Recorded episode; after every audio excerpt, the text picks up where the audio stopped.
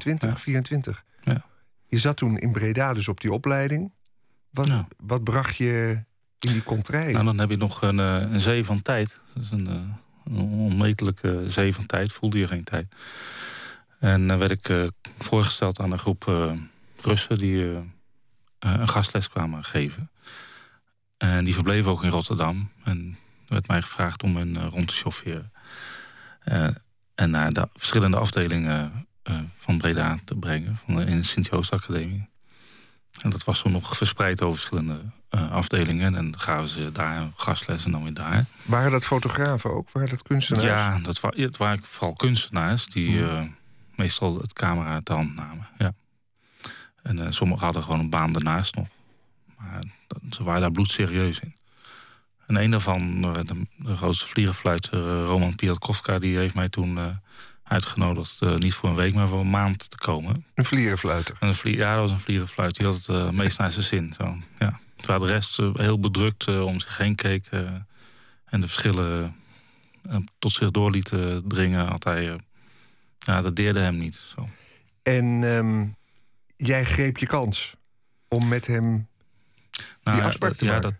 dat, het, is, het is bijna onverschillig, maar ik, ja, dat ging ik gewoon op in. Dat, dat eh, leek, leek me wel leuk. Zo. Je had Ja. niet een speciale belangstelling voor het Oostblok. Nee, maar ik, ik wist wel alles te liggen waar hij, waar hij het over had, al die steden. Ik was vroeger altijd wel erg geïnteresseerd in de kaart. Dus trek een atlas open en eh, dan ging je verbeelding al spelen. En je dacht, ik heb Ja. de tijd. Je bedoelt, je bent een jongen van 23. De wereld ligt voor je open. Je wilde heel graag fotograaf worden, dat wel.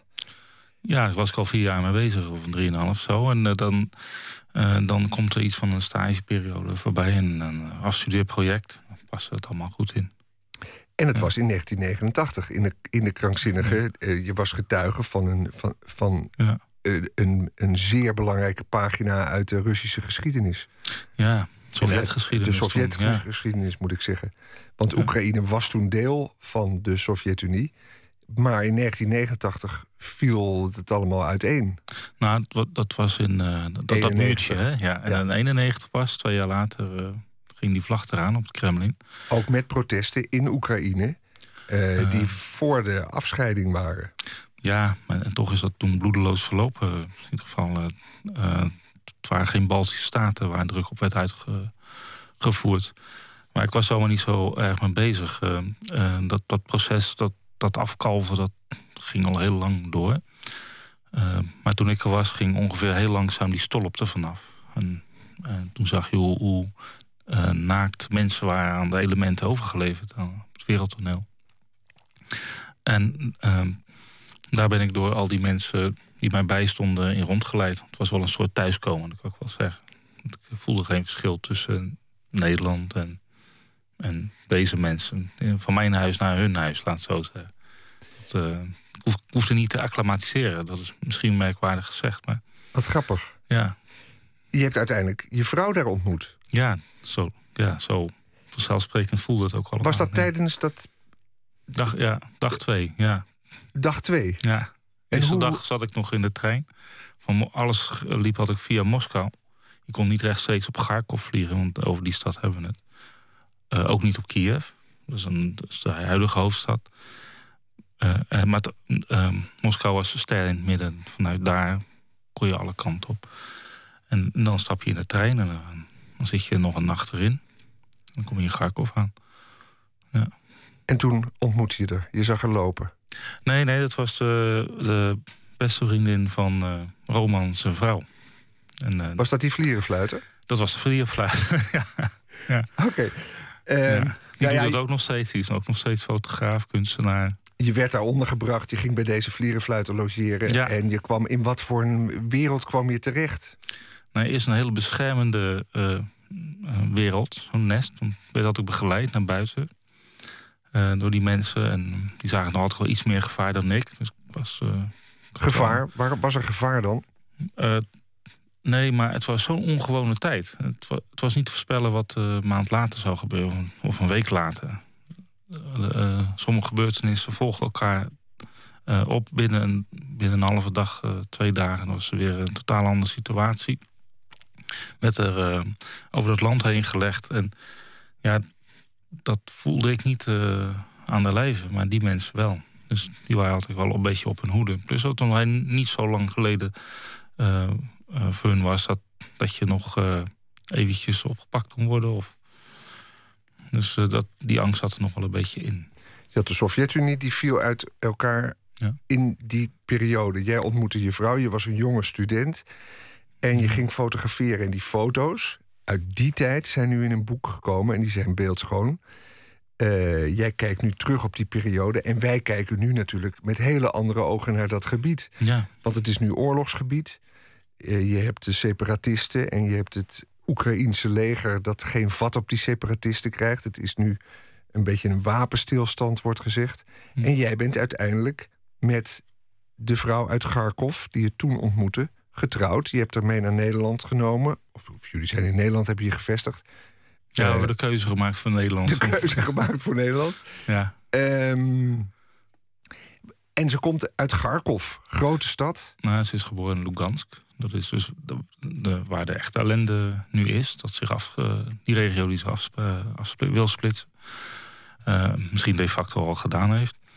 Maar ehm, zij, zij heeft haar studie daar en ook het verdere leven voortgezet in Kharkov. Ja, want voordat we het nu gaan hebben over die foto's, want dat is natuurlijk toch heel belangrijk, die foto's. Maar wat ons natuurlijk interesseert is hoe is dan nu die verhouding van haar met dat land zoals het nu is? En ja. Hoe, hoe was het toen, toen de Sovjet-Unie eigenlijk uiteenviel? Was daar toen blijdschap over? Was dat. Uh, ja, dat, misschien een klein beetje te vergelijken, eh, te vergelijken met de situatie nu is dat je je elke uur van de dag probeert daarover te informeren. Nu is een overstelpende hoeveelheid informatie die je via social media daaruit vandaan kan krijgen. Um, alle online kranten in het Oekraïens of het Russisch of uh, Nederlands, Engels, BBC, uh, Al Jazeera, noem het maar op. En uh, los van de kranten die we ook nog allemaal lezen. We hebben twee kranten thuis. En, de, en, en daar was het voornamelijk veel kranten en veel ja, heel veel discussies op straat. Er stonden echt mensen in groepen te discussiëren over hoe het verder moest. En ja, dat, dus je, je, er wordt een deken overheen gelegd over je leven van, uh, waar je niet even onder, vandaan kan komen. Dat geldt nu weer trouwens. Mm -hmm. Dit, ik woon, wij wonen weer toch weer een beetje daar ook. Je woont daar, dat gevoel, ja, gevoel, dat gevoel ja, omdat het heel dichtbij, ja. Omdat het zo hectisch ja, is. De buren naast ons niet, maar wij wel. Ja, door het feit dat... Ja, want komen er van, ja, zij jullie, wonen, jullie wonen in Rotterdam, maar jullie zijn natuurlijk gewoon daarmee bezig... omdat dat land zo, uh, zo in beweging is. Um, maar ik had, ik had er mee moeten nemen, hè, feitelijk. Eigenlijk wel, ja. ja. Je moet vragen. Ander keertje. Zij werkt trouwens als vertaalster, ja. tolkvertaalster... Ja. Russisch, Oekraïens, Nederlands. In, ja. Dus zij is iemand die zich heel goed kan, uh, kan, kan bezighouden... met wat er nu in dat land leeft. Heeft zij veel contacten nu met dat gebied en met de mensen daar? Uh, ja, via social media wel, ja. En ook binnen de familie wordt veel over gesproken... die uh, overal over de wereld is uitgezworven... Uh, ze heeft al nog kennissen en oude schoolvrienden, buren en dergelijke. Die en nog hoe is dan nu het beeld in, in dat gebied? Is dan, wij hebben natuurlijk in het Westen heel erg het idee van de, de agressor Poetin... en die mm. man die moet gestopt en die is niet goed ja, bij zijn hoofd. Dat beeld en hebben wij ook, ja. Dat ja, beeld ja. hebben jullie ook. Het is niet zo dat wij een beeld missen van wat, daar, van wat daar ook bestaat... en waar Poetin... Maar het, is toch moeilijk om invoelbaar te maken. Zelfs voor mij ook hoor. Ik ben nog steeds een soort uh, een buitenstaande. Uh, we missen toch een stuk geschiedenis. En zijn we te vluchtig. Als dit opgelost is, zijn we ergens anders met ons hoofd. En nee, het, is geen positie meer dat, je, dat de ruimte wordt gelaten om geen kleur te bekennen. Die ruimte is er niet meer. Het, het, is, het is echt op, op het scherp gezet. Wat bedoel je daarmee? Dat het gevaarlijk is? Nou, je bent of pro of anti-Poetin. Dat zou zeggen. Ja. We hebben het ook niet meer over Oekraïne, we hebben het over Poetin dan. Ja. ja. En um, jij verkeert dus in kringen anti-Poetin. En is dat dan... Ge... Nee, niet onverdeeld. We hebben genoeg mensen die uh, pro zijn. En, uh, en zover je daar nog mee kan praten, praten we daarmee. En, en er is een groep afgehaakt. Daar kan je niet meer mee praten. Nee, want die ruzies lopen soms hoog op. Ja, dat is raar, hè? Dat, uh, dat kennen wij niet, van die uh, broederoorlogen. Dat kennen, mhm. kennen, we niet. Dat, dat gaat door, door gezinnen heen. Ja, toevallig een, eh, een van oorsprong Russische collega bij de VPRO... die vertelt dat ze inderdaad met familie... Ja. hele verhitte discussies heeft. Van hoe hou je het in je hoofd om Poetin nog... om daar nog vertrouwen in te hebben. Ja. Ja, en dat is dus herkenbaar. Aanleg voor blind, blind vertrouwen, hè? dat is er altijd wel geweest. Ehm, en hoe was het om in Rusland te fotograferen op straat? Want dat heb je dus gedaan. Ja, ik heb het over Rusland, maar over de Sovjet-Unie, oh, over Oekraïne. over vijf. Ik ben nog vaak daarna terug geweest. Ja. En uh, ik ben, zou wel benieuwd kunnen uh, zijn hoe het er nu is... om over straat te lopen met een camera. Maar dat, toen was dat geen enkel punt. Toen was het geen punt. Want wanneer ben je daar voor het laatst geweest? In, in, in de Oekraïne? Oekraïne, uh, anderhalf jaar terug. Ja, ja. ja. En toen fotografeerde je er ook. Deze foto's zijn dus uit die beginperiode? Ja, dat is met een andere signatuur. Ja. ja. Uh, met, met, uh, met dit gereedschap waar ik toen mee heb gedaan, de, daar bedien ik me nu niet, niet, even niet van. het, het hoeft daar niet over te gaan. Ik ben, ik ben in mijn in mijn nieuwe, nieuwe fotografie, zeg maar, de, waar ik ook in Rotterdam uh, mee van start ben gegaan, daar is het, dat nieuwe signatuur ook ontstaan. Uh, zo bezie ik de westerse wereld. En ik, zo bezie ik ook landen die, die westers willen worden, of daar tegenaan schurken. Ja, dus dat, en dat is heel andere... Hele andere koek. Ja, different koek. is different koek. Nou kan een radioluisteraar ja. niet zien hoe jouw foto's uh, ogen. En misschien dat je straks iets over die nieuwe signatuur kan zeggen. Maar die signatuur toen, die student van 23, 24, 25, die daar dus kwam in het land. Uh, die zich niet focuste op Moskou, op de grote highlights, maar in dat Kharkov bijvoorbeeld of Minsk fotografeerde. Hm. Wat wilde je dat doen? Wat was dat project? Wat, hoe zag dat eruit? Hoe ziet een foto van jou eruit? Nou, ik ben geen conceptuele fotograaf, dus dat, dat dat ontvouwt zich ter plekke. Je bent geen conceptuele fotograaf. Nee. Dat betekent? Ik zet er geen lijn uh, omheen. Van, en daar, zo gaat het worden. En, daar wil ik zo dicht mogelijk bij blijven. Je fotografeert niet vanuit een idee, maar je uh, ziet wel wat er op je afkomt. Nou, het is van een idee, maar dan, daar, daar ben ik heel vrij in om daar uit weg te lopen. Dus ik heb, ik heb wat, misschien wat schetsen in mijn hoofd. En toen was het wel heel prematuur.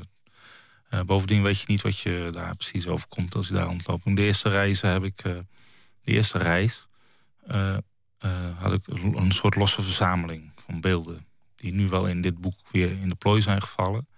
Maar dat heb ik ook niet alleen gekund. Daar heb ik Willem Zoetenaal van nodig, die hier dit, heel dit boek geëdit heeft. Willem Zoetedaal is een uh, galeriehouder, fotograaf. En, uh, nou, geen fotograaf, hij is uh, vormgever. Vormgever, hij, designer. En hij heeft dit boek gemaakt. Ja, en, en daarnaast ook een, een, autoriteit in fotoland. Ja. ja. Um, hij heeft de samenstelling gedaan. Maar hoe herken je nou een foto van jou uit die tijd? Het, we zeiden het zijn crossroads, het zijn kruisingen. Dus je ging onder de mensen op openbare publieke plekken. Ja, het liefst zo dicht uh, bij mogelijk. Nu, nu ben ik echt in een fysieke armslag uh, van mensen aan het fotograferen. En toen tastte ik dat af. Dus ik, uh, ik overzag ook wel een straat. En overzichtbeelden zitten hier ook tussen. Maar er zitten ook heel veel beelden die wijzen op mijn latere werk. Uh, dat ik toch heel dicht bij mensen zelf uh, wilde zoeken. Dat je ook in de ogen kan kijken. Mm -hmm.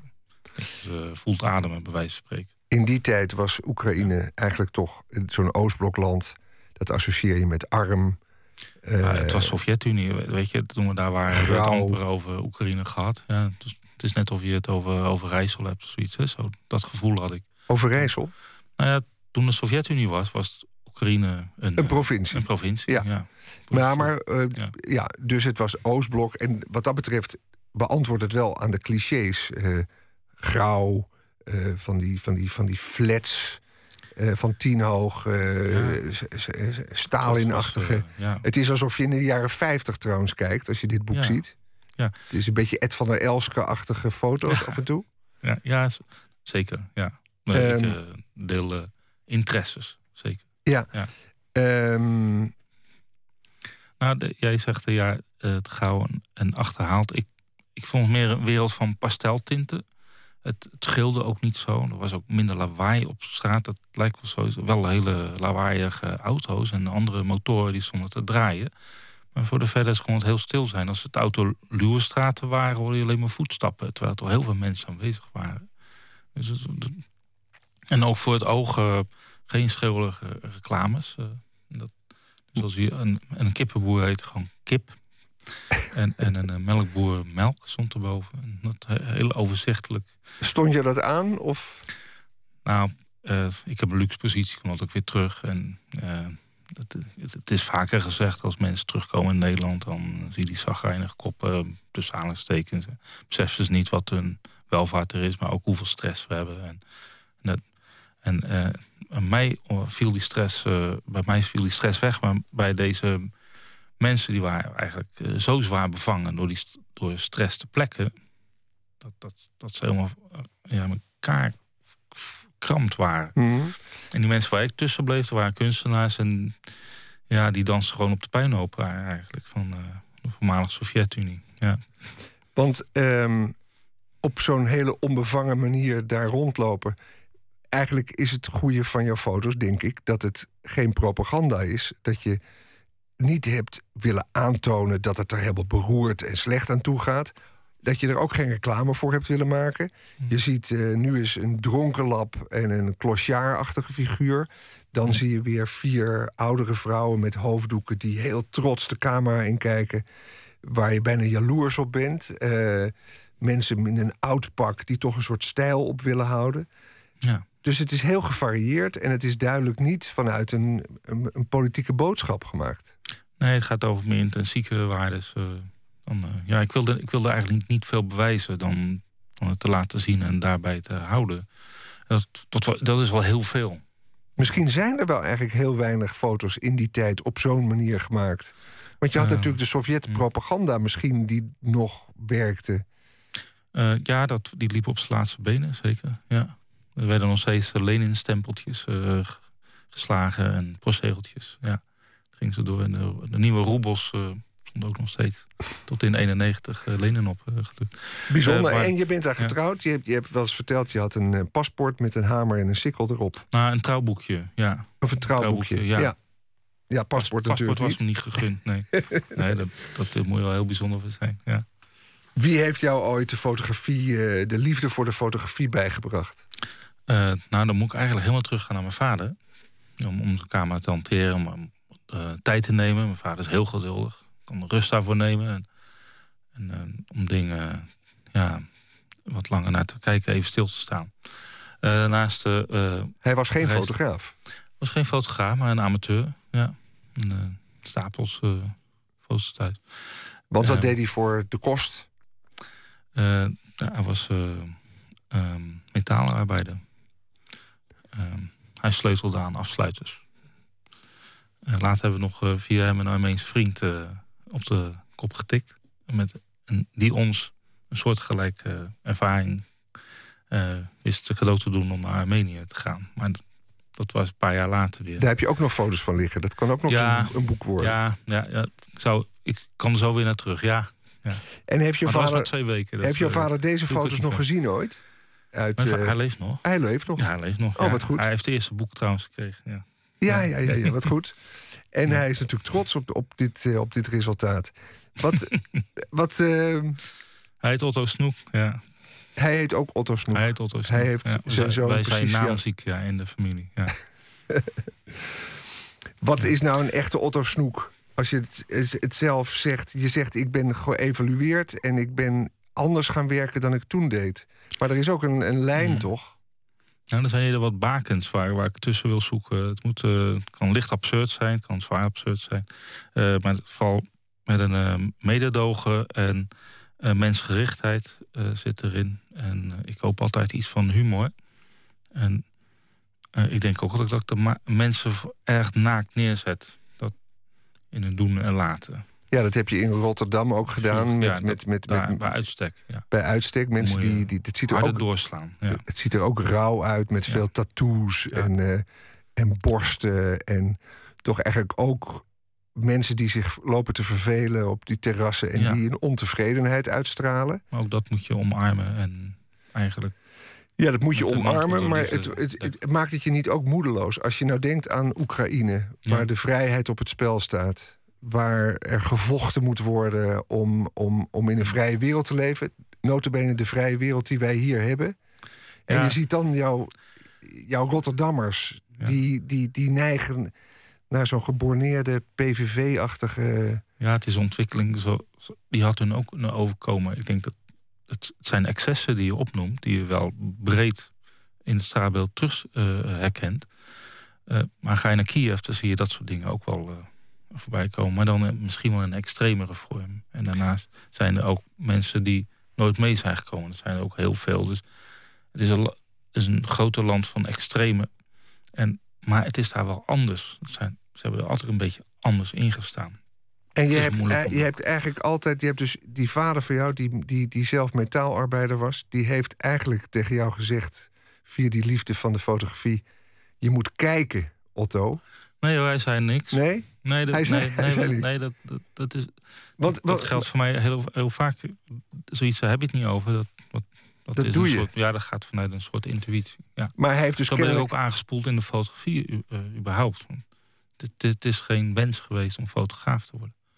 Het is geen wens geweest? Nee, ja, het klinkt uh, een beetje pathetisch, maar ik ben een beetje echt aangespoeld. Zo. Dat waren op dat moment niet zoveel andere opties wat ik op dat moment zou willen doen, waar ik mijn tijd aan willen besteden. Je hebt nu een boek gemaakt dat uh, onlangs in een speciale bijlage van de Volkskrant genoemd werd een van de beste boeken, fotoboeken van het afgelopen jaar. Um, ja, dat is leuk. Ik heb verder geen zicht op al die andere fotoboeken. Ik spaar, ik spaar ook geen fotoboeken van. Er verschijnen er een heleboel, kan ik je zeggen. Ja. Dit is, was absoluut eervol.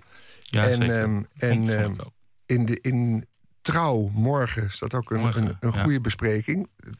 Door toeval hadden we hier de bijlagen ja. die, we, die morgen over een Heel uur mooi of, gebracht. Mag uur complimenten bij deze overdragen. Ja. Die komen over een uur of zes. Ik denk dat Willem ook wel uh, in zijn nopjes is over. Uh, en dat is dan de man Doet die... recht aan... Uh, nogmaals, Willem van Zoetendaal. De man Ja. die het heeft ontworpen, dit fotoboek. ja. En ehm, ja, jullie hebben twee kinderen... eh, die tweetalig opgroeien. ja, En ze, ze- ja, één is er al dertig inmiddels. Ja, is al 30. Ja. En eh, de andere is nog jong. En gaan die ook terug naar Oekraïne? Bezoeken jullie het land? Nemen ze... Nou, de jongste die hoeft niet terug. Die, gaat, ja, die, is, eh, die is er wel geweest een paar keer. eh, in, in Kharkov en ook op de Krim zijn we eens geweest. En de oudste die, die, die komt er nog wel eens.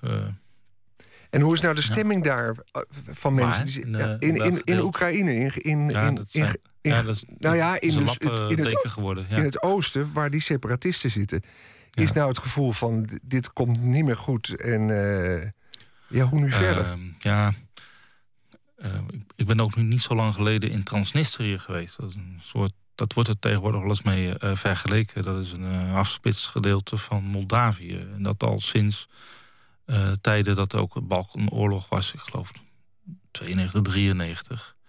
Misschien zelfs nog iets eerder. Maar dat hebben die Moldaviërs verloren tegen de Russisch sprekende. Dus de Roemeens sprekende Moldaviërs tegen de Mhm. Russisch sprekende. En daar is een Russische peacekeeping force neergestreken. En die is natuurlijk nooit meer weggegaan. Dat op de dag van vandaag is een afgesplitste gedeelte. En daar zijn weinig toekomstperspectieven voor.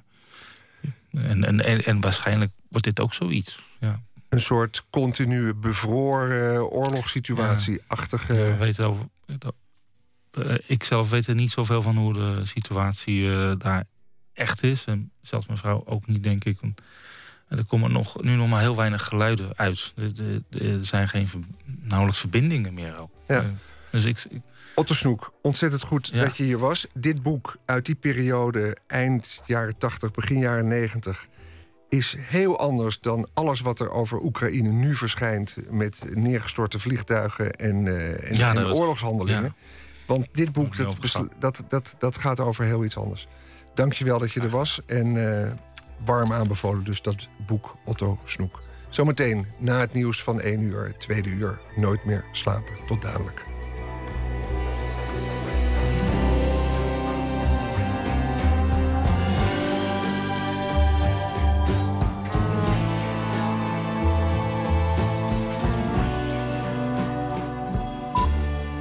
Radio 1. Het nieuws. Het is 1 uur, Patrick Holtkamp met het NOS-journaal. De gemeente De Friese Meren wil definitief geen opvang van asielzoekers in het dorpje Rijs. Een eerder raadsvoorstel daarover is ingetrokken. De gemeente wil wel 500 vluchtelingen huisvesten, maar dan in Balk, Lemmer of Jouren. Het Centraal Orgaan Opvang Asielzoekers wil juist in Rijs 500 vluchtelingen huisvesten in een voormalige instelling van jeugdzorg. Rijs heeft 158 inwoners. De gemeenteraad vergaderde de afgelopen twee dagen over het meningsverschil met het COA, maar tot een oplossing is er niet gekomen. Maandag is er een gesprek tussen het COA en de gemeente. Op een middelbare school in Portland in de Verenigde Staten... zijn twee of drie mensen gewond geraakt bij een schietpartij. Onduidelijk is nog wat er precies is gebeurd... en of er één of twee schutters waren. De politie kan nog niet zeggen of de gewonden leerlingen of leerkrachten zijn. Het was op een school voor probleemkinderen. Het internationaal strafhof in Den Haag zet een onderzoek naar oorlogsmisdaden in Darfur stop. Volgens de aanklager is er de afgelopen tien jaar nauwelijks actie ondernomen om de verdachten, onder wie de Soedanese president Omar al-Bashir, aan te pakken. Voor de Veiligheidsraad van de Verenigde Naties zei de aanklager dat de situatie in de Soedanese regio Darfur verslechtert en dat niemand met concrete oplossingen komt. In Gaza-stad is een bom ontploft bij het Franse culturele centrum. Een deel van de omheining is verwoest. Volgens de Arabische nieuwszender Al Jazeera zijn er geen slachtoffers gevallen. Maar andere berichten spreken dat tegen. In oktober ontplofte bij het centrum ook al een bom. De verantwoordelijkheid werd toen op Facebook opgeëist door een groep die zei banden te hebben met Islamitische Staat. Het weer. Bijna overal droog, maar in Limburg kan nog steeds regen vallen. Het koelt vannacht af tot een graad of 5. Overdag zonnig, maar ook trekken dan weer wat buien over... en het wordt rond de 7 graden. Dit was het NOS Journaal. NPO Radio 1. VPRO. Nooit meer slapen.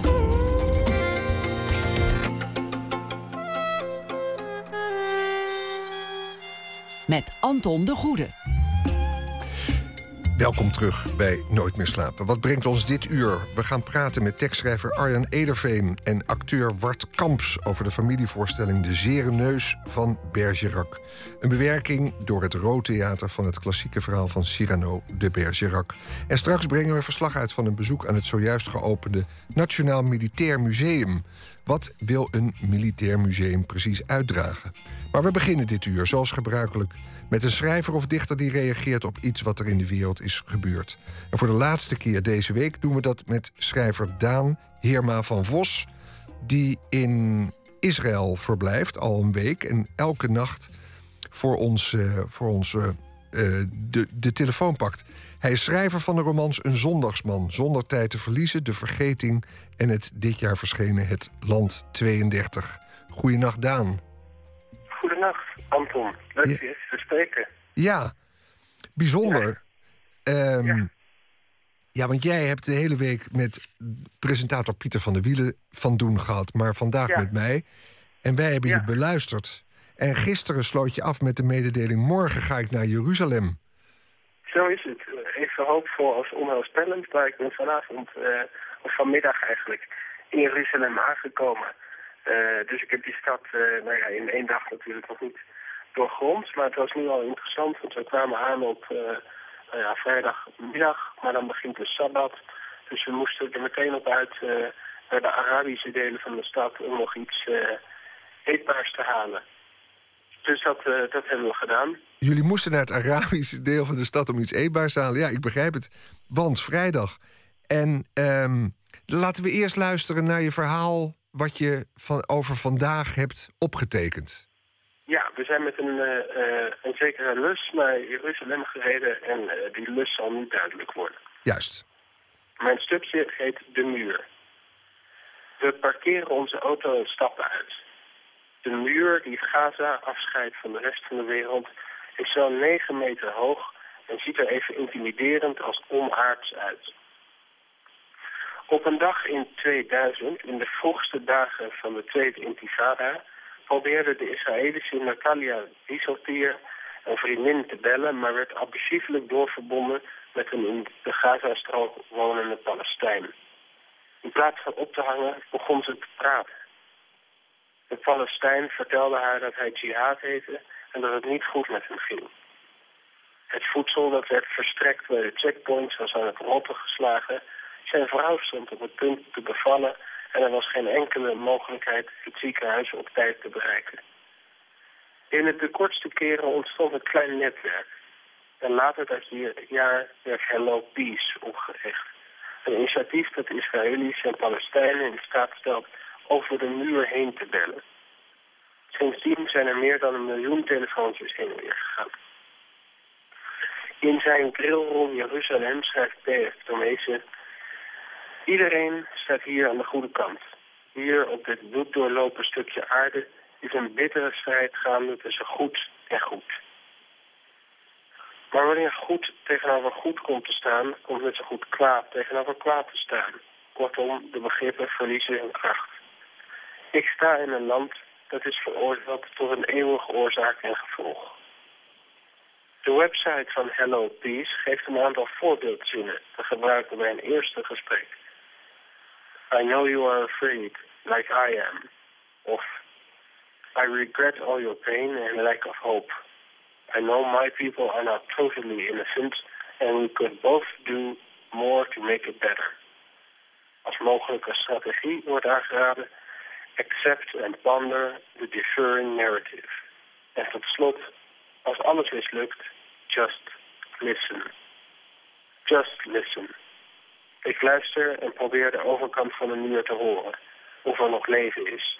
En of er misschien iemand aan de andere kant staat te luisteren, net zoals ik. Was getekend Daan Heermer van Vos. Um, ja, uh, de muur. De, de muur, ja. We zijn daarna snel doorgereden naar Jeruzalem en daar uh, is er ook wel sprake van, van een muur, maar toch een wat, uh, wat minder grotesk. En bovendien een, eentje met grote historie, waar je gewoon ook doorheen kan voor, op genoeg plaatsen. Dus het was goed om meteen weer door te rijden. Een paar dagen geleden citeerde je een schrijver die je had ontmoet uh, die gezegd heeft: hier in Israël praat iedereen over geschiedenis, ook als het over iets anders gaat. En ja, meneer Baram was dat, ja. Uh, alles, alles gaat daarover. Over, je, het is onontkoombaar om het voortdurend over het conflict te hebben, eh, lijkt het wel natuurlijk. Ja, in dit, in, dit in dit conflict zijn dan weer rechten verleend in een ander conflict in de geschiedenis. En dat kwam weer voort uit een ander conflict in de geschiedenis. Dus je kunt nooit uh, praten over het nu zonder een of andere uh, gebeurtenis in het, in het verleden te negeren of juist te veel eer aan te doen. Het is kortom onmogelijk ergens een, uh, een enkel oordeel over te vellen of een enkele analyse van te geven. Omdat je dan onherroepelijk iets vergeet of iemand buitensluit. Dus het is heel, uh, heel ingewikkeld. Je hebt wel je primitieve reacties op zo'n muur. Uh, maar ja, met primitieve reacties heeft dit land al wel genoeg uh, te maken gehad. Daan Heerma van Vos, fantastisch dat je vijf dagen achtereen om één uur, maar voor jou om twee uur, heb ik begrepen. Dat is een ongelukkige misrekening. Ja. ja uh, paraat stond. We danken je. En ik heb begrepen dat een aantal van jouw verhalen in de correspondent te lezen zal zijn. Nee, nee, nee. Dat, dat is alleen het interview met meneer Baram. Oké, okay, alleen het interview. Nou, om, ongetwijfeld zullen we op de een of andere manier je verhalen uh, te weten komen. We gaan je volgen, Daan Heermer van Vos. En dank en uh, goeienacht verder. Graag gedaan. Oké, okay, dank. En wij gaan hier luisteren naar muziek Nothing is Easy... is de naam van het debuutalbum van de Londense soulformatie Ephemerals. En wat opvalt is de zo goed als perfecte soulstem van voorman Wolfgang Velbrun. We gaan luisteren naar het nummer You Made Us Change.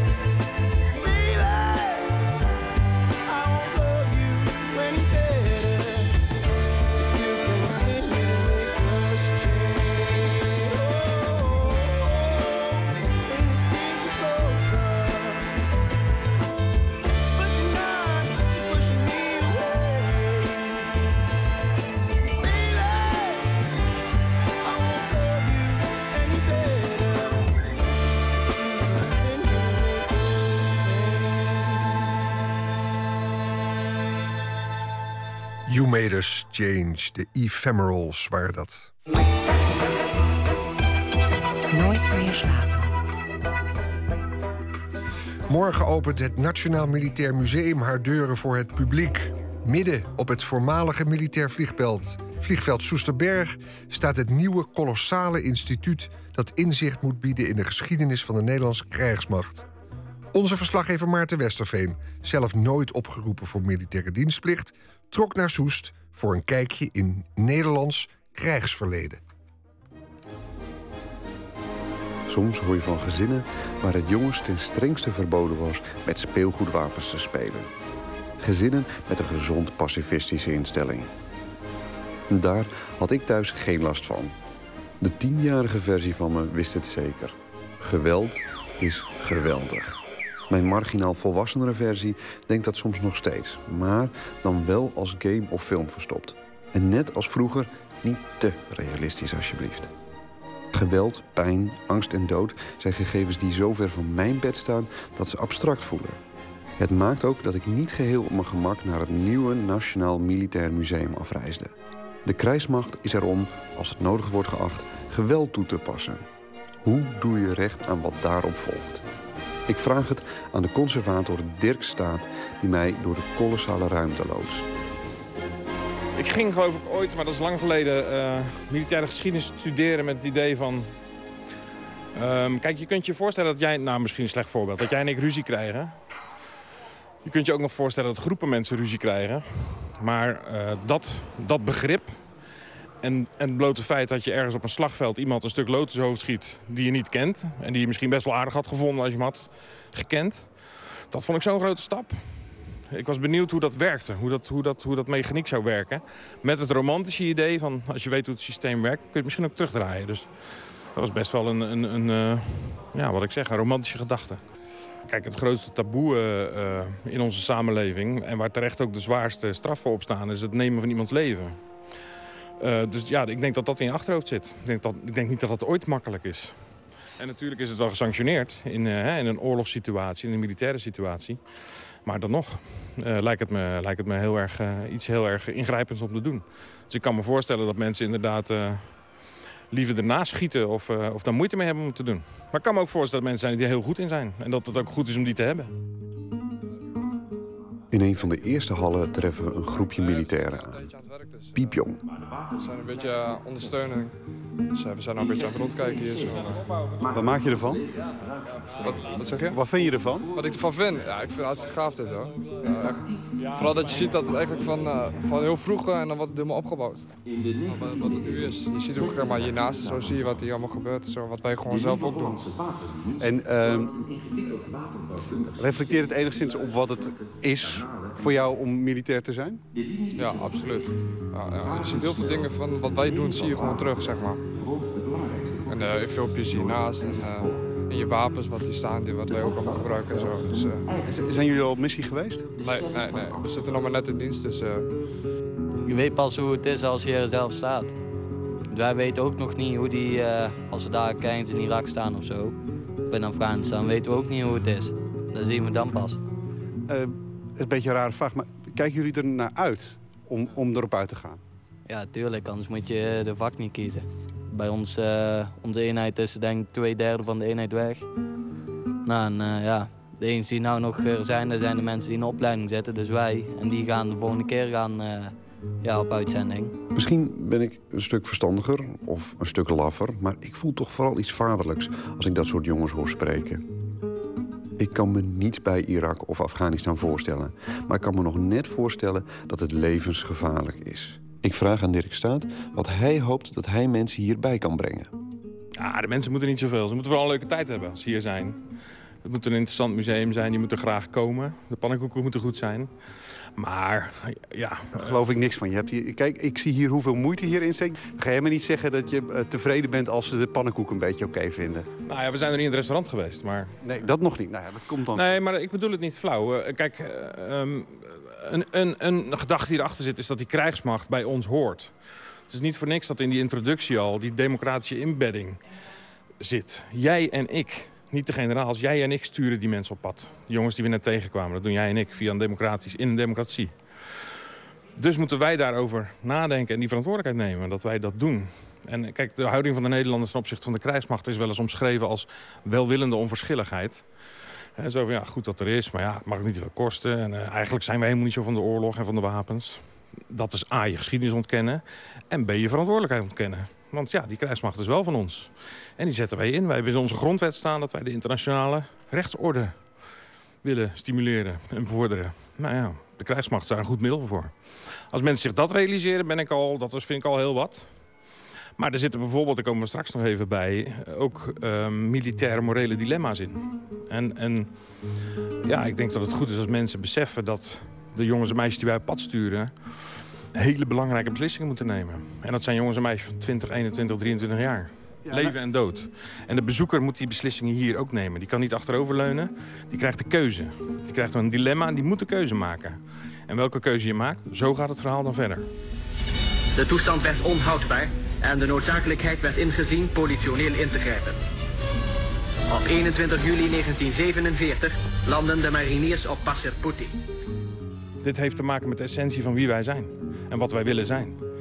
En daar gaat dit museum ook over. Niet, het gaat niet over eh, oude voertuigen en oude vliegtuigen. Hoewel die er ook genoeg zijn. En ook moderne vliegtuigen en moderne voertuigen trouwens. Maar dit gaat over mensen. Het gaat over wat mensen doen. Het gaat over wat mensen beleven. Het gaat over hun motieven. En het gaat over vrede en veiligheid. Wij, leven, wij hebben al onze democratische vrijheden... bij gratie van het feit dat je dat moet bevechten. Dat hebben we moeten bevechten. Dat moet je bevechten op de nazi's. Dat moet je nog steeds bevechten op de, de nazi's die nu in, in, in, in Irak en in Mali de huishouden. Denk ik.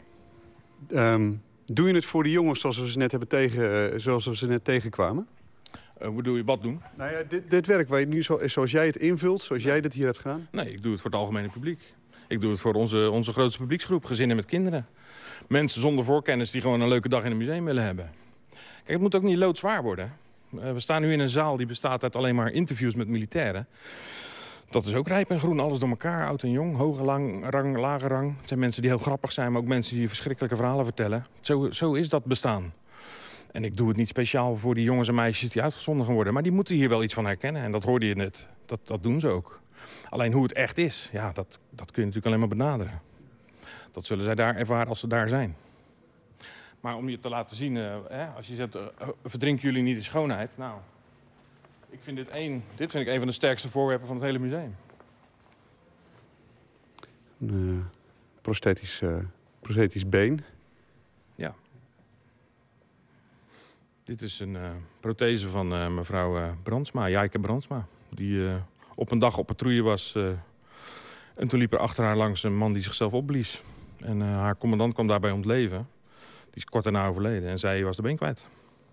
En daar vertelt ze hierover. Dus uh, het is niet alleen maar esthetiek en gezelligheid. Bevreemdend eigenlijk. Want het staat zo, ik zie het. Ik zie het op het nieuws. En het staat... Het is, het is zo... Ik merk het ook altijd als ik dan een Nederlandse militair geïnterviewd zie. Dan denk ik, ah, oh ja, dus mijn, dat zou mijn buurman kunnen zijn. Dat zou mijn buurvrouw kunnen zijn. Het is zo ver weg tegelijkertijd. Sterker nog, jij had het kunnen zijn. Je bent ervoor gekozen om journalist te worden. Dat is jouw manier om, uh, om, in de, om in het leven te staan. Maar je had ook militair kunnen zijn.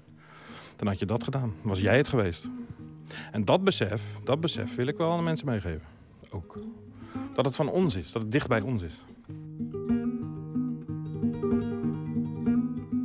Het Legermuseum in Stockholm, eh, de directeur komt hier ook voor de opening... die beginnen hun tentoonstelling met een, een, een diorama met drie vechtende apen. En eh, dat komt omdat de chimpansees, die het dichtst bij ons staan, geloof ik, biologisch gezien... ook de enige diersoort is die georganiseerd vecht. Ja, dat, dat, dat, ik denk dat daar, daar zit iets in. Daar, daar moeten we iets mee met dat gegeven. Zij zijn daar hun museum mee begonnen. Wij zijn een gewelddadige soort. Geweld zal niet verdwijnen. En gelukkig leven wij in een vrije democratie. Waarin dat geweld een plek heeft gekregen. En waarin de overheid het geweldsmonopolie heeft. Maar stap in een vliegtuig en je hoeft niet langer dan drie uur te zitten. En dan zit je op een plek waar de overheid helemaal niet bestaat. En waar het geweldsmonopolie dus helemaal niet bij de overheid ligt, maar gewoon op straat. En dan opeens is het duidelijk wat een krijgsmacht doet. En wat een geweldsmonopolie op de juiste plek kan doen. Het is, eh, ik blijf het ook aan mezelf raar vinden, maar het is, je hebt gelijk. Het is, eh, Maar nee, waarom? nou, het, het is toch... Is het confronterend om te, om te beseffen dat je een gewelddadig wezen kunt zijn? Ja, en dat je daar dat dat op een hele rare. Nou ja, bedoel, het hoort erbij, dat snap ik ook wel. Maar het is toch. eh, het is vreemd te, dat, hè, wat ik er, hè, dat die fascinatie staat los van wat bijvoorbeeld deze vliegtuigen teweeg kunnen brengen. Ja, maar als het erbij hoort, dan zou het je niet moeten verbazen. Als jij zegt het hoort erbij, dat weet ik wel. Ja, dan hoort het gewoon bij wie wij zijn. En ik denk dat ook jij, tot, net als ik, tot geweld in staat bent... als er maar genoeg eh, van je afgepakt wordt. Of als er maar genoeg onrecht in je omgeving is. Dan ga je dat misschien vanzelf doen.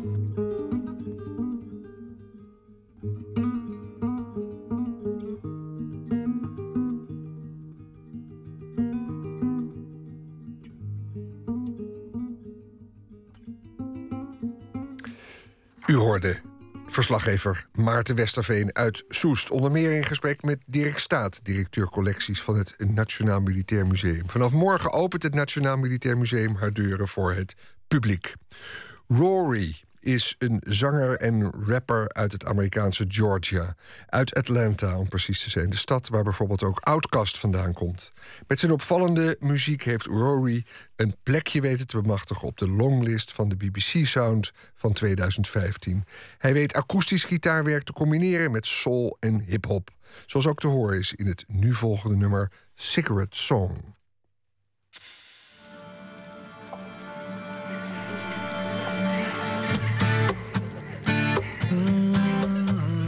It's gone. Mm, so it's gone. Yeah.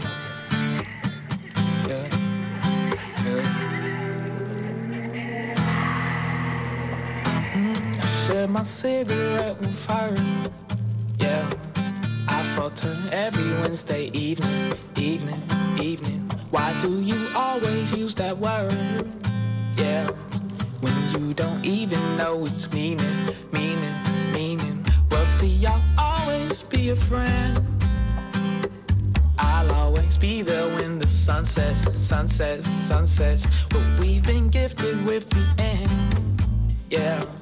Who really wants to live forever, ever, ever, ever, ever? But I can't love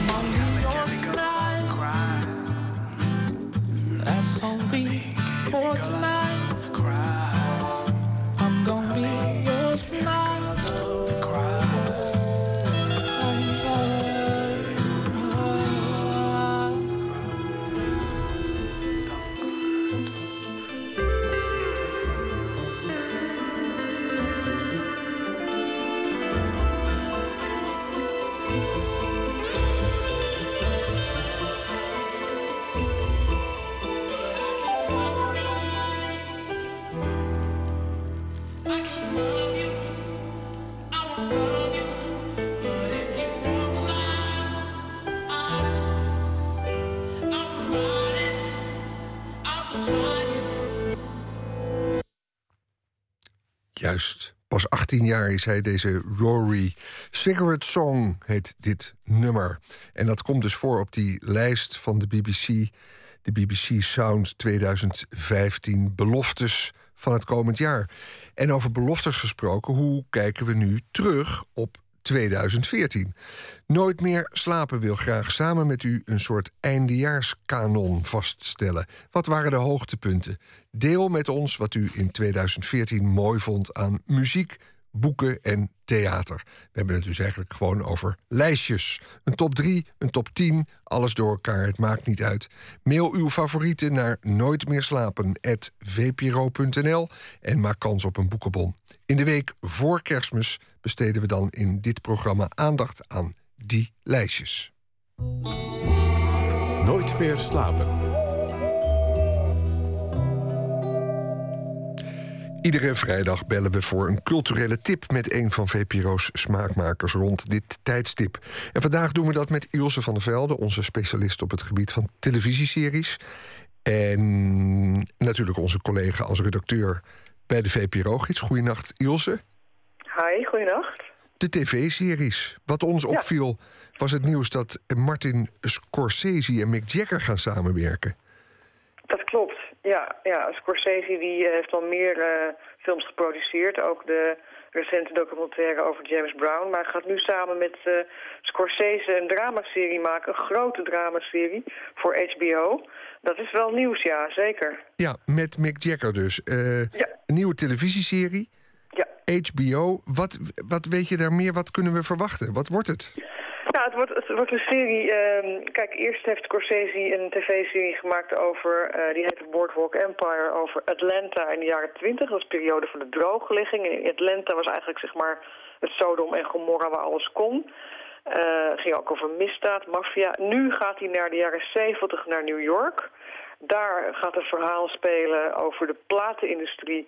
die in die tijd nog sterk was gelieerd aan de maffia. Het was een, eh, als ik het zo lees, een eh, van drugs en, eh, en seks vergeven eh, toestand. En ehm, eh, nou, daar, daar zit dan een platenbaas in. En die man die heeft een zieltogend label en zoekt naar het nieuwe geluid. En dan komt de disco op en de punk.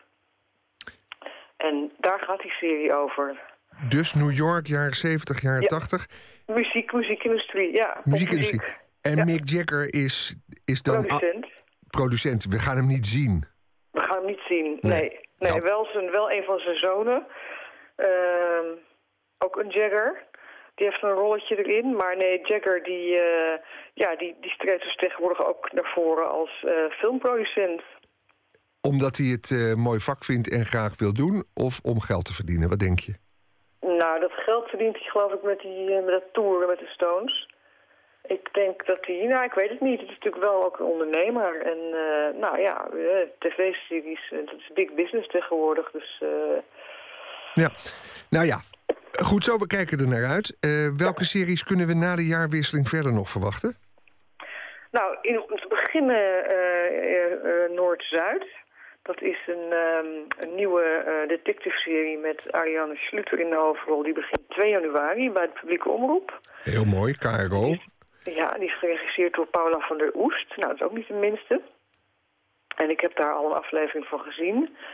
En eh, nou ja, het was best wel veelbelovend, maar wat me wel, het was wel precies de killing. Die Zweedse serie over die, eh, nou ja, de, over de trui noemde ik haar altijd. Maar die hoofdpersoon had een hele kenmerkende Noorse trui aan. Waar ze die ze ook nooit uitdeed, leek het wel. En Ariane Schluter heeft nu ook zo'n trui. Nou, dat dan niet. Maar ze heeft wel eh, ook een, een, een- kind in de puberteit wat heel moeilijk is, waar ze een moeilijke relatie heeft. Precies als de eh, hoofdpersoon in de killing. Eh, het licht in de killing, alles was een beetje bleek, in, in bleke, donkere, sombere tinten. Nou, dat is precies ook zo in Noord-Zuid.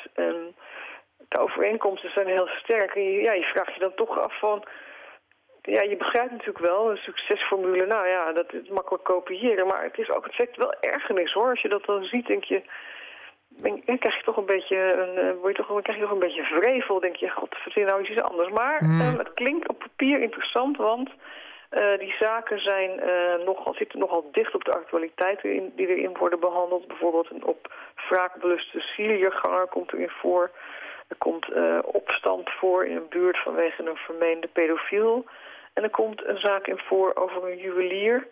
eh, die na verschillende inbraken het heft in eigen handen neemt. Nou ja, Letterlijk ontleend aan de actualiteit. ja, ja, ja. Oké, nou ja, maar ook wel een beetje een dodelijk oordeel... dat het dus eigenlijk een beetje gekopieerd lijkt qua vorm. Ja, het, het kan, het, het, het- het staat tegen. Toch kan het zo zijn dat je dan na een paar afleveringen dat vergeet... en dan opgaat in het verhaal... dat je er dan alsnog eh, met plezier naar kijkt. Dat kan ook. Ja. Dat moeten we afwachten. En wat mij eh, in de aankondigingen opviel, was de fractie. Waar we oud-politica Femke Halsema eh, als bedenker bij weten. Wat Ja. is dat? Nou, dat is een, een nieuwe politieke dramaserie ehm, van eh, de VPRO. Ehm, eh, over een jonge politicus die eh, snel opklimt eh, in een eh, partij die de VPN heet. Het is een partij voor de vrijheid, maar dan niet zoals de PVV, maar anders van signatuur. En ehm, ja, Femke Halsema die heeft, die heeft het idee geopperd en was ook betrokken ehm, bij het schrijfproces. Het is geschreven door, ehm, door drie uh, scenaristen, althans door Charles Text. Dat is een thrillerschrijver.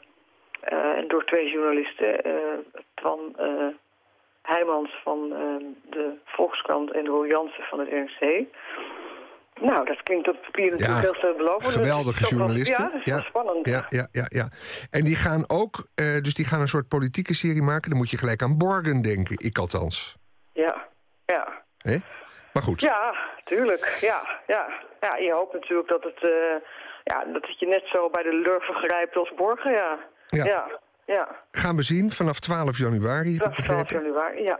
ja. De fractie, verder nog iets? Nou ja, wat leuk is, waar ik ook naar uitkijk, het is eh, Better Call Saul. Dat is een spin-off van Breaking Bad, geschreven door Vince Gilligan. Nou ja, die naam heeft natuurlijk een geweldig gouden randje gekregen sinds Breaking Bad. Dat was zo'n ontzettend goed geschreven serie. En nu komt hij dan met een spin-off over die loesje advocaat. Die, eh, nou ja, die altijd overal wel een zaakje in ziet. En ehm, die krijgt nu zijn eigen eh, comedy. Ja, dat, is- dat, dat is ook leuk. Dat begint dan 8 februari. Dat is, ja... Ik denk dat het heel, veel makkelijk wordt. Via Netflix te zien. En dat, het is dus nu al zo dat dit soort series via Netflix worden besproken en aangekondigd. En eigenlijk helemaal langs de reguliere televisie gaan, hè? Ja, ja, ja, ja dat klopt. Ehm, online kijkers, hè, streaming content zoals dat dan heet, dat, dat, dat wordt heel groot, is heel groot geworden, heel snel. Eh, heeft een, eh, een, eh, een, een grote plek veroverd in korte tijd. Het schijnt dat Netflix in Nederland nu 700.000 abonnees heeft. Nou, dat is echt substantieel. Dat is heel hard gegaan. Ja, als we nu. Als we nu sorry dat ik je onderbreek, maar als we nu, Nee, als we nu eh, terugkijken naar het jaar 2014. en ik heb zo meteen vakantie, ik heb twee weken de tijd en ik wil een serie zien en ik heb er niet bovenop gezeten. Wat Twee is dan. weken maar. Eh, nou, ik heb het niet over mezelf, maar ik heb het Nee, over. maar Ik, ik, ik, ik ver- verplaats me nu in de luisteraar. Die denkt van ik wil een mooie serie zien. Wat kan Ja. Ilse mij aanbevelen? Nou, god, ik weet niet waar ik moet beginnen, maar ik, ik kan wel eh, mijn eigen top 5, ehm eh, daar kan ik wel wat uit eh, noemen. Ehm, wat mij in elk geval opviel toen ik terug ging kijken en, en dat lijstje ging maken, ehm, dat is, er zijn heel veel goede series gemaakt, maar er zijn ook, opvallend veel series die op de een of andere manier gelinkt zijn aan actuele kwesties. Of dat nou is in Homeland, de CIA, de staat van de CIA. Dit seizoen, seizoen 4, nou, het is werkelijk bloedstollend spannend. Ze zijn beter dan ooit. Eh, en aan het einde van het seizoen dan eh, komt de CIA eruit als een, ja, als een van binnenuit uitgeholde organisatie. En wat lezen we in de krant deze week? Naar aanleiding van het rapport over de martelpraktijk van de CIA. Nou, Juist. et cetera. Dat is, natuurlijk, dat is natuurlijk geweldig. Als een serie dat kan eh, en het is zo spannend ook nog. Ik zou zeggen, neem nu twee weken daarvoor. En wat je ook zou kunnen gaan kijken is House of Cards seizoen 2. Eh, waarin Kevin Spacey eh, nog veel gevaarlijker wordt als politicus. Als een duivel werkt hij zich naar boven, naar de top van de macht.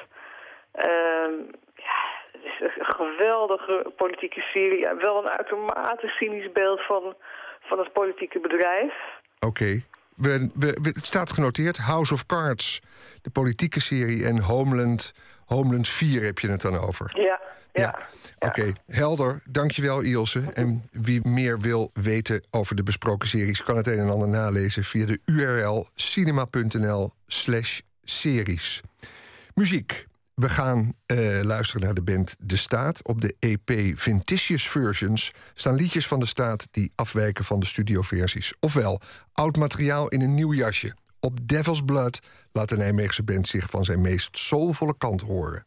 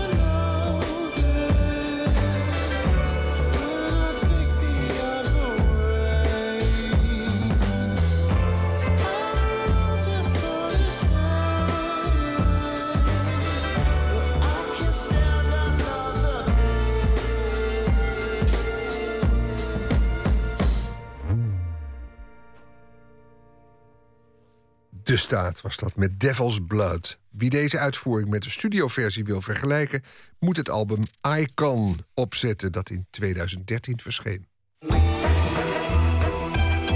Nooit meer slapen.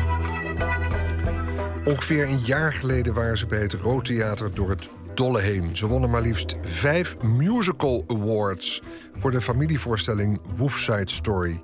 En nu winnen ze vaker wel een prijs, maar deze hadden ze absoluut niet verwacht. Immers het officiële en serieuze, toch theatergezelschap... dat ineens zo gewaardeerd werd in de musicalwereld. De mensen achter dat succes werken nu aan een nieuwe familieproductie. De Zere Neus van Bergerac. Luister naar een verslag van Botte Jellema. Wolf Side Story, losjes gebaseerd op de West Side Story. Snorro, afgeleid van Zorro. En nu de voorstelling Zereneus van Bergerac. Inderdaad, geïnspireerd door de klassieker Cyrano de Bergerac. De man met de grote neus die gedichten schrijft voor Christian... zodat hij toch Roxanne kan bereiken. Onderaan een brief nooit XXX. Dat betekent namelijk niks, niks, niks. De Zereneus van Bergerac wordt gemaakt door een serieuze cast. Muziekteksten zijn van Alex Klaassen. Op het podium staan acteur Jack Woutersen. Cabaretier Wart Kamps speelt Cyrano. En Arjan Edeveen schreef de voorstelling en speelt er ook in. Ik tref Wart en Arjan samen met een grote crew die achter de schermen werkt... in het theater van Roosendaal. Daar wordt gerepeteerd. Als je gaat dichten moet ieder woord licht en niet zomaar wat simpel gerijm. Plus, wie wil ze horen die flut metaforen niets meer dan een potje geslijm. Simpel en krachtig boem. Ik heb even iets uit de krant meegenomen voor jullie, wat vanochtend eh, eh, in stond. Het SCP heeft een, ehm, heeft een onderzoekje gedaan. Maar het heeft Ja, er was ook iets over eh, dat knappe mensen meer kans hebben met carrière en beter, sneller, be- beter zijn dan lelijke mensen. Nou, dat snap ik op zich wel, toch? Of niet? Nee, ik niet. Knap bent, dan willen mensen toch liever snel met je praten en zo. Zo gaat Ja, alles wat makkelijker. Knappe, knappe mensen zijn toch... Dommer? Nou ja, dat is hetzelfde voordeel, vooroordeel als dat je zegt... knappe mensen die, die kunnen beter carrière maken. Ja, dat is misschien wel zo. Volgens mij heeft het ermee te maken als je jezelf lelijk vindt. En als je jezelf mooi vindt, dat dat, dat, dat een probleem voor jezelf is. Ja. Dat klopt, dat stond ook in het eh, onderzoekje... dat het er met name om ging wat voor uitstraling eh, mensen hadden. Ja. En toen moest ik even denken aan, eh, aan Cyrano, die jij speelt, eh Wart. Ja. Die precies met dit probleem worstelt. Ja, die worstelt heel erg met, met het probleem van hoe die eruit ziet en hoe dat overkomt. Ik zag jullie net even repeteren. Eh, toen had je hem niet op, maar in een, in- op foto's en op filmpjes Ja. van het Rood Theater... dan heb je hem wel. Het is een, een neus van bijna 10 centimeter, eh, geloof ik. Het is vrij fors. valt wel mee, nou, het is niet 10 centimeter. Hij is wel, het is wel een realistische grote neus. Dus het zou nog wel... Het, zou nog wel ja. een echte, echte neus kunnen zijn. Ja. Vind, vindt hij zichzelf eigenlijk vooral lelijk? Of is hij ook echt lelijk? Ehm, als ik die neus op heb, vind ik mezelf eigenlijk wel knap. Maar ik heb ook heel mooi haar. Dus ik denk dat het voornamelijk van binnen zit. Hij heeft wel een grote neus. Maar hij zit er zelf natuurlijk het meest mee. En daarom durft hij dingen niet te zeggen. Zoals dat hij verliefd is op Roxanne. Of dat durft hij daardoor niet. Nee. Dus het ding zit hem eigenlijk zelf, eh, zichzelf in de weg. Hij, maakt het, hij maakt hem eigenlijk groter dan die is. Hij maakt ik. zijn neus groter dan hij Nog eigenlijk groter is. dan die eigenlijk al is. Ja. Chicks versieren een chance, ligt voor mij niet in het verschiet. Bij de meiden maak ik geen kans, want een monster willen ze niet. Als er iets is waar ik van baal, is dat meisjes mij niet zien staan. Kun je nog zo goed zijn met taal, wie de lelijk is die kan gaan. Maar een kadet die zet door, beste beentje weer voor. Steeds weer opnieuw hetzelfde lied, maar kadetten gaan door. Cyrano de Bergerac heeft een grote neus. In het originele stuk van Edmond Rostand uit 1897 wordt de 17e-eeuwse dichter Cyrano verliefd op zijn nichtje Roxanne. Maar hij denkt niet dat Roxanne hem ooit zal zien staan vanwege die neus. Maar zij is al lang gevallen voor het lijfelijke, de mooie jonge Christian. Christian is niet een groot poëet. Maar die Christian is ontzettend dom. Dus die, eh, En Roxanne valt ook heel erg op mooie, mooie woorden en mooie gedichten. Om een lang verhaal kort te maken, Cyrano schrijft gedichten die Christian aan Roxanne stuurt. Omdat hij het idee heeft van door die brieven te schrijven... eh, bereiken mijn woorden haar toch nog. En is het alsof ik toch nog een beetje iets met haar te maken heb. Ja. Dus het is eigenlijk heel treurig. Het is eigenlijk een heel zielig verhaal. Het eindigt ook heel triest, hè, het originele Cyrano. Wij maken er een happy end van. In de originele Cyrano overlijdt hij. Ja, ze overlijden allebei. En eh, of ik weet niet of Ja, de. Ro- Roxanne niet. Maar die Nee, eindigt niet. wel als non in een klooster. En die zoekt de eenzaamheid op van verdriet. En dan op oudere leeftijd komt, Ro- eh, komt Cyrano eh, haar nog tegen. Want het is, in het originele verhaal is het een nichtje van hem. Volgens mij, familie. Een achternichtje van nichtje. En dan hebben ze het over, eh, over het verdriet van Christian. En dan leest zij nog een brief. En dan is het donker en dan kan ze het niet lezen. En dan verspreekt Cyrano zich. En die weet dan nog de woorden die hij geschreven heeft. Dan komt ze erachter en dan sterft zij, volgens mij. Of sterft... Nee, hij sterft. Hij sterft. Hij heeft een balk boom, op. Ja, een balk of een boom. Oh ja, een op balk. zijn- ja. Heel lullig. Op zijn hoofd Een gehad. balk op zo. Echt triest, triest. Maar dat is bij ons niet. Nee. Dat is bij jullie niet? Nee, er komt geen balk op mijn hoofd. Nee, het is een familievoorstelling. Is dat de reden dat het niet gebeurt? Nou, er gaat wel iemand dood. Ja. Maar het loopt toch goed af. Hoe kan dat nou? Nou, vertel het maar. want Je hebt het, je hebt het geschreven, Arjen. Nou, het is een sprookje. Ja, je en hebt er er ook komt een... een toverstaf in voor. Dus joh... Je hebt er een hele, een hele tover, een toverfeeën-laag eh, doorheen. ge- Ja, we hebben een sprookjeswereld. Het zijn eigenlijk, we- toen we, toen we eraan begonnen, toen we met Piet a- a- a- verleden jaar of twee jaar geleden begonnen van wat gaan we, wat, zullen, wat voor nieuwe familievoorstellingen zullen we maken? Ja, Pieter Kramer, waar je eerder mee hebt gewerkt, regisseur waar we- nu. al die familievoorstellingen maken. Die wil heel erg graag Cyrano doen, om, om de vormgeving en omdat hij het verhaal heel erg mooi vond. En ik, mij leek dat ook heel erg leuk. Ik vond, ik vond voornamelijk de drie, die driehoeksverhouding heel erg leuk, omdat ik al wist hoe ik dat af wou laten lopen. En toen hebben we de feeënwereld, zei ik van Piet, dan doen we een leuk feeën-sprookjeswereld in iets met eh, v- feeën en eh, trollen. En toen hebben we van Feeënland, dacht ik van, ik vind het, vind het leuk om Feeënland dan in een soort bureaucratie te, te stoppen. En ik zeg, Piet, Feeënland, dat speelt zich af in Brussel. We maken, we maken er eh, de, eh, Brusselse van. En zodoende is Veeland zijn eigenlijk een, is de orde geworden van de vrije veeën. En zo is dat allemaal bij elkaar gekomen. En de trollen, de, de veeën, die, de veeënorde... Die, de trollen willen de veeënland overnemen omdat ze jaloers zijn. Omdat zij go- goed zijn en zij niet. Hmm. En waar, waar zit het ambtelijke dan in, de bureaucratie? Wat zit het in de voorstelling? Hoe zit het? Ja, Ja, met, eh, alles moet eh, met drievoud ingevuld worden met formulieren. En er is een hoop politiek, dus er komen top, topoverleg. Topoverleg. En eh, dus op een gegeven moment dan moeten die, moet die trollen en, die, en, en, de- en de, en de eh vee Aurora van de, van, de, vrij, van de, de vee van de vrije vee... die moeten, dan, moeten dat politiek zien op te lossen. Dus dan wordt er een, een informele lunchoverleg eh, wordt er georganiseerd. Omdat vee Aurora dan de trollenkoning wil, wil bom- ah, bombarderen met een, met een charme-offensief. Dus gaat de charme-offensief gaat ze organiseren. Het hoeft niet perfect te zijn, durf knettergek te zijn. En dan komt gelijk de moraal van het verhaal om de hoek kijken.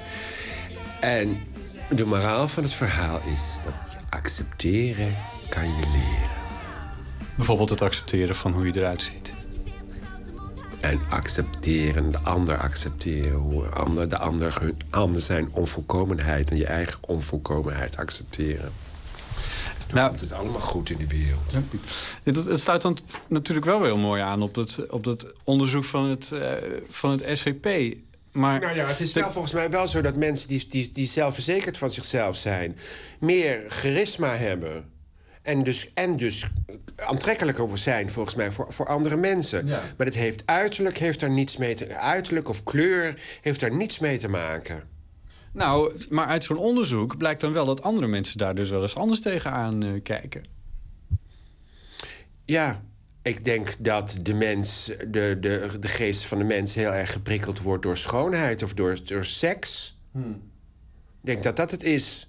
Dat de, dat de schoonheid van mensen heel erg. eh, het, het uiterlijk van mensen heel erg eh, ja, met, eh, met eh, seks te maken heeft. Dat, dat denk ik hoor. Dat, dat mensen zich voor een ander aantrekkelijker proberen te maken in, de, in, in wat er wat men op dat moment aantrekkelijk vindt.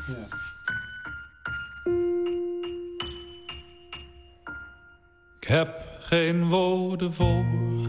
Arjan Ederveen giet zo bij het Rood Theater het oude verhaal van Cyrano de Bergerac in een familievoorstelling vol muziek. Liever blijf ik stil, maar jouw schoonheid maakt dat ik diep geraakt steeds weer dichter wil. Woorden voor je mond, liedjes voor je lach. Hoe je oogopslag, hoe je haren blond. De teksten van Alex Klaassen zijn geschreven op bekende melodietjes uit Frankrijk. Nou, dus het is leuk aan deze voorstelling dat, je dat, dat, dat kinderen dat, dat oude verhaal meekrijgen in een hele leuke, toegankelijke vertelling. Ja. Dus, In die, in die vorm, Ja. zoals Who's Side Story dat ook Ja. was. Ja, precies. precies. Het zijn Ja. allemaal klassieke verhalen die dan eh, in een heel modern jasje worden gestoken. Spelen jullie het vooral voor kinderen eigenlijk? Nou, dus denk ik, hoe zou het zijn? 80, 50 procent? De verhouding tussen, eh, gemiddelde verhouding tussen kinderen en volwassenen is denk ik 25% kinderen, 75% volwassenen. Want ja, er zijn een heleboel mensen die geen kind meer zijn, maar wel heel erg graag naar de, naar de familievoorstelling komen. Je hebt ook soms wel zalen zitten eigenlijk alleen maar volwassenen. dat heb ik ook een keer gehad. Is er een kind te bekennen? Nee. ja.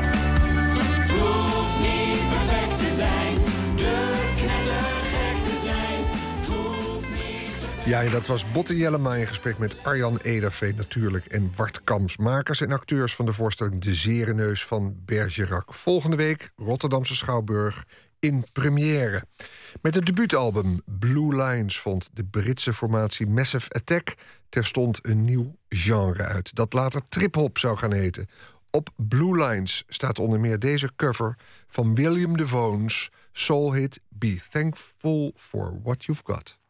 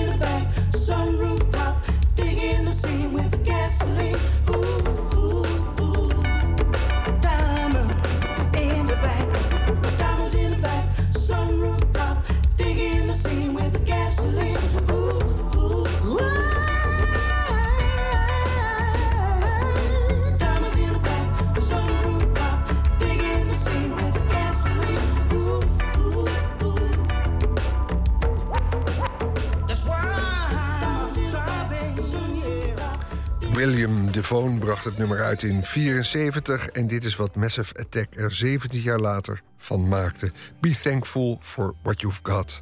En daarmee zit deze editie van Nooit meer slapen erop. Ik vertel nog iets wat we maandag gaan doen. Dan ook weer tussen 12 en 2 s'nachts. En zal om te beginnen Ellen Ombre te gast zijn, schrijfster van Surinaamse afkomst. Belangrijk motief in haar verhalen is de verplaatsing. Wat gebeurt er wanneer iemand van de ene cultuur terechtkomt in eh, een fundamenteel andere? Ook weer thema in haar nieuwe roman Erfgoed. Verder aandacht voor stripjournalistiek, ofwel de tekenaar als verslaggever. En bijdragen van schrijvers Gustav Beek en Carolina Trujillo. Dat maandag, zo dadelijk hier Frank Jochemsen met het programma Woord. Waarin het gaat over droomverhalen. Idealistische dromen, jongensdromen, boze dromen. Blijf dus luisteren. Na ook het nieuws van twee uur. Wat zou het nieuws zijn? We gaan luisteren. Tot later.